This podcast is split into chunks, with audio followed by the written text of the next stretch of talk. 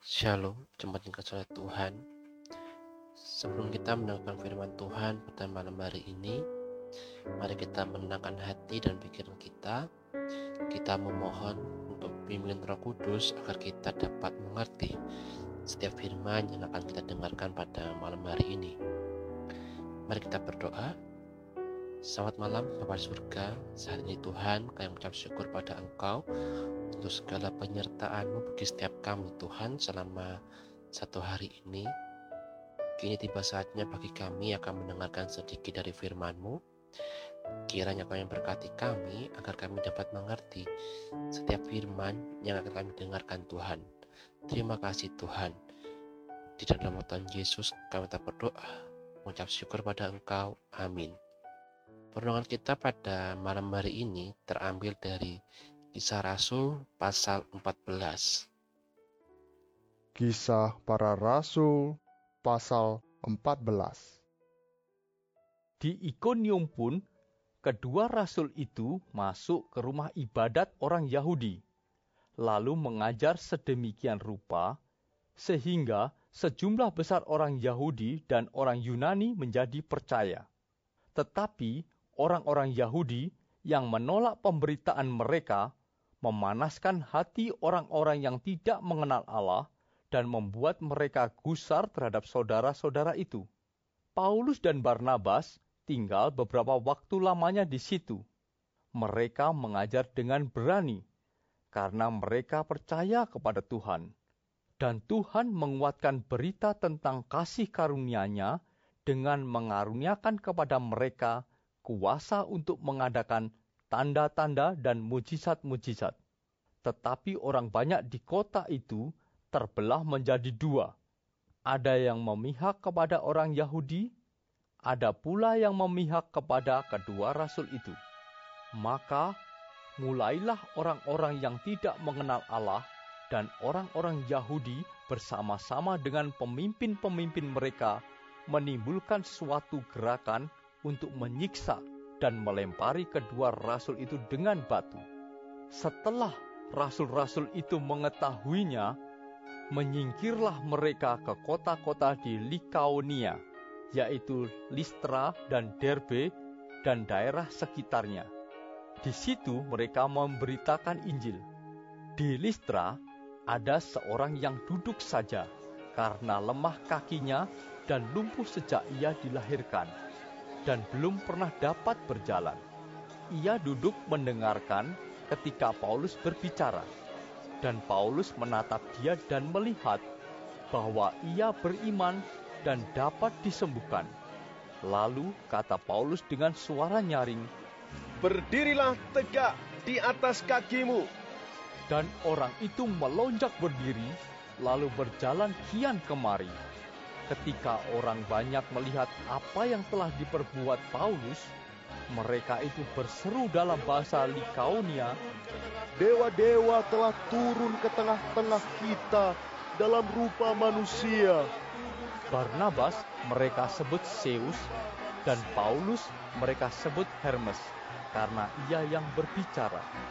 Maka datanglah imam dewa Zeus yang kuilnya terletak di luar kota membawa lembu-lembu jantan dan karangan-karangan bunga ke pintu gerbang kota untuk mempersembahkan korban bersama-sama dengan orang banyak kepada rasul-rasul itu.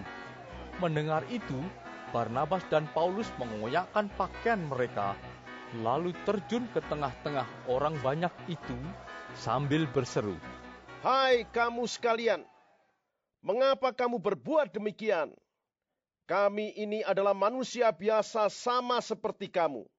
Kami ada di sini untuk memberitakan Injil kepada kamu, supaya kamu meninggalkan perbuatan sia-sia ini dan berbalik kepada Allah yang hidup, yang telah menjadikan langit dan bumi, laut dan segala isinya. Dalam zaman yang lampau, Allah membiarkan semua bangsa menuruti jalannya masing-masing. Namun ia bukan tidak menyatakan dirinya dengan berbagai-bagai kebajikan, yaitu dengan menurunkan hujan dari langit dan dengan memberikan musim-musim subur bagi kamu. Ia memuaskan hatimu dengan makanan dan kegembiraan. Walaupun rasul-rasul itu berkata demikian, namun hampir-hampir tidak dapat mereka mencegah orang banyak mempersembahkan kurban kepada mereka. Tetapi datanglah orang-orang Yahudi dari Antioquia dan Ikonium, dan mereka membujuk orang banyak itu memihak mereka. Lalu mereka melempari Paulus dengan batu dan menyeretnya keluar kota, karena mereka menyangka bahwa ia telah mati. Akan tetapi, ketika murid-murid itu berdiri mengelilingi dia, bangkitlah ia lalu masuk ke dalam kota. Keesokan harinya, berangkatlah ia bersama-sama dengan Barnabas ke Derbe. Paulus dan Barnabas memberitakan Injil di kota itu dan memperoleh banyak murid. Lalu kembalilah mereka ke Listra, Ikonium, dan Antioquia. Di tempat itu mereka menguatkan hati murid-murid itu dan menasihati mereka supaya mereka bertekun di dalam iman dan mengatakan bahwa untuk masuk ke dalam kerajaan Allah, kita harus mengalami banyak sengsara. Di tiap-tiap jemaat, rasul-rasul itu menetapkan penatua-penatua bagi jemaat itu. Dan setelah berdoa dan berpuasa, mereka menyerahkan penatua-penatua itu kepada Tuhan yang adalah sumber kepercayaan mereka mereka menjelajah seluruh Pisidia dan tiba di Pamfilia. Di situ mereka memberitakan firman di Perga, lalu pergi ke Atalia di pantai. Dari situ berlayarlah mereka ke Antioquia. Di tempat itulah mereka dahulu diserahkan kepada kasih karunia Allah untuk memulai pekerjaan yang telah mereka selesaikan. Setibanya di situ, mereka memanggil jemaat berkumpul, lalu mereka menceritakan segala sesuatu yang Allah lakukan dengan perantaraan mereka, dan bahwa Ia telah membuka pintu bagi bangsa-bangsa lain kepada iman. Di situ mereka lama tinggal bersama-sama dengan murid-murid itu. Bapak Ibu dikasih Tuhan, dalam kisah Rasul pasal 14 ini, kita diajarkan untuk membayangkan melihat Paulus ketika ia kembali ke Listra, yang di mana dengan mongar dan luka akibat dilempari batu yang masih terlihat ketika ia terakhir berada di sana. Tidak hanya itu saja Bapak Ibu ini oleh Tuhan. Bagaimana keadaan kita ketika kita mendengar Paulus berkata, kita harus mengalami banyak sengsara untuk masuk ke dalam kerajaan Allah. Berapa harga yang harus dibayar oleh seorang Kristen? Pada umumnya di negara sendiri untuk mengikut Kristus hingga akhir hidupnya. Apa yang harus rela kita korbankan demi mengikut Yesus? Kemudian yang kedua, bagian mengenai perjalanan misi Paulus yang pertama ini diakhiri dengan perhentiannya terhadap yang tepat bagi ketertiban jemaat. Paulus ditemani oleh rekannya yaitu Barnabas dengan penuh doa memimpin setiap jemaat untuk menunjuk sekelompok penatua untuk memimpin mereka. Para misionaris kembali ke gereja mengirim mereka untuk melaporkan mengenai pekerjaan Allah melalui mereka di antara bangsa-bangsa ada pengertian yang mendalam bahwa baik para pemegang jabatan dalam gereja ataupun para misioner dari gereja melayani sebagai orang-orang yang ditugaskan oleh gereja dan diteguhkan oleh doa-doanya. Semoga kita sekarang menjadi pelaku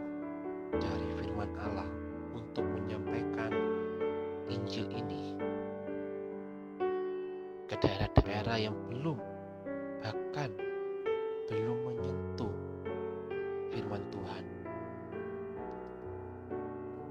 Atau kita hanya berdiam saja sebagai orang Kristen yang tidak melakukan apa-apa. Biarkah dari perenungan kita pada malam hari ini kita dapat menjadi orang Kristen yang rela melakukan apa saja, yang rela mengorbankan apa saja demi mengarbakan Injil bagi mereka yang belum mendengarkan firman ini. Mari kita berdoa. Bahwa surga saat ini Tuhan mengucap syukur pada Engkau untuk segala renungan yang telah kami dengarkan ini Tuhan, di mana kami diajarkan dari kedua utusanmu yaitu Paulus dan Barnabas Tuhan, di mana mereka tidak menyerah, di mana mereka tetap terus mengabarkan Injilmu Tuhan. Tidak hanya sampai di situ saja, agar mereka rela mengorbankan apa pun agar Injilmu ini Tuhan dapat didengarkan bagi setiap mereka yang membutuhkan Tuhan. Begitupun juga kami ditegur kembali Tuhan dari firman pada malam hari ini di mana kami tidak tidak perlu takut Tuhan bahwa kami percaya bahwa ketika kami menyampaikan firman-Mu Kau selalu menyertai setiap kami Tuhan. Terima kasih Tuhan. Dekat lagi kami akan beristirahat. Kiranya akan jaga istirahat malam kami ini Tuhan. Di dalam Tuhan Yesus kami berdoa. Ucap syukur kepada Engkau. Amin. Selamat malam. Selamat beristirahat. Tuhan Yesus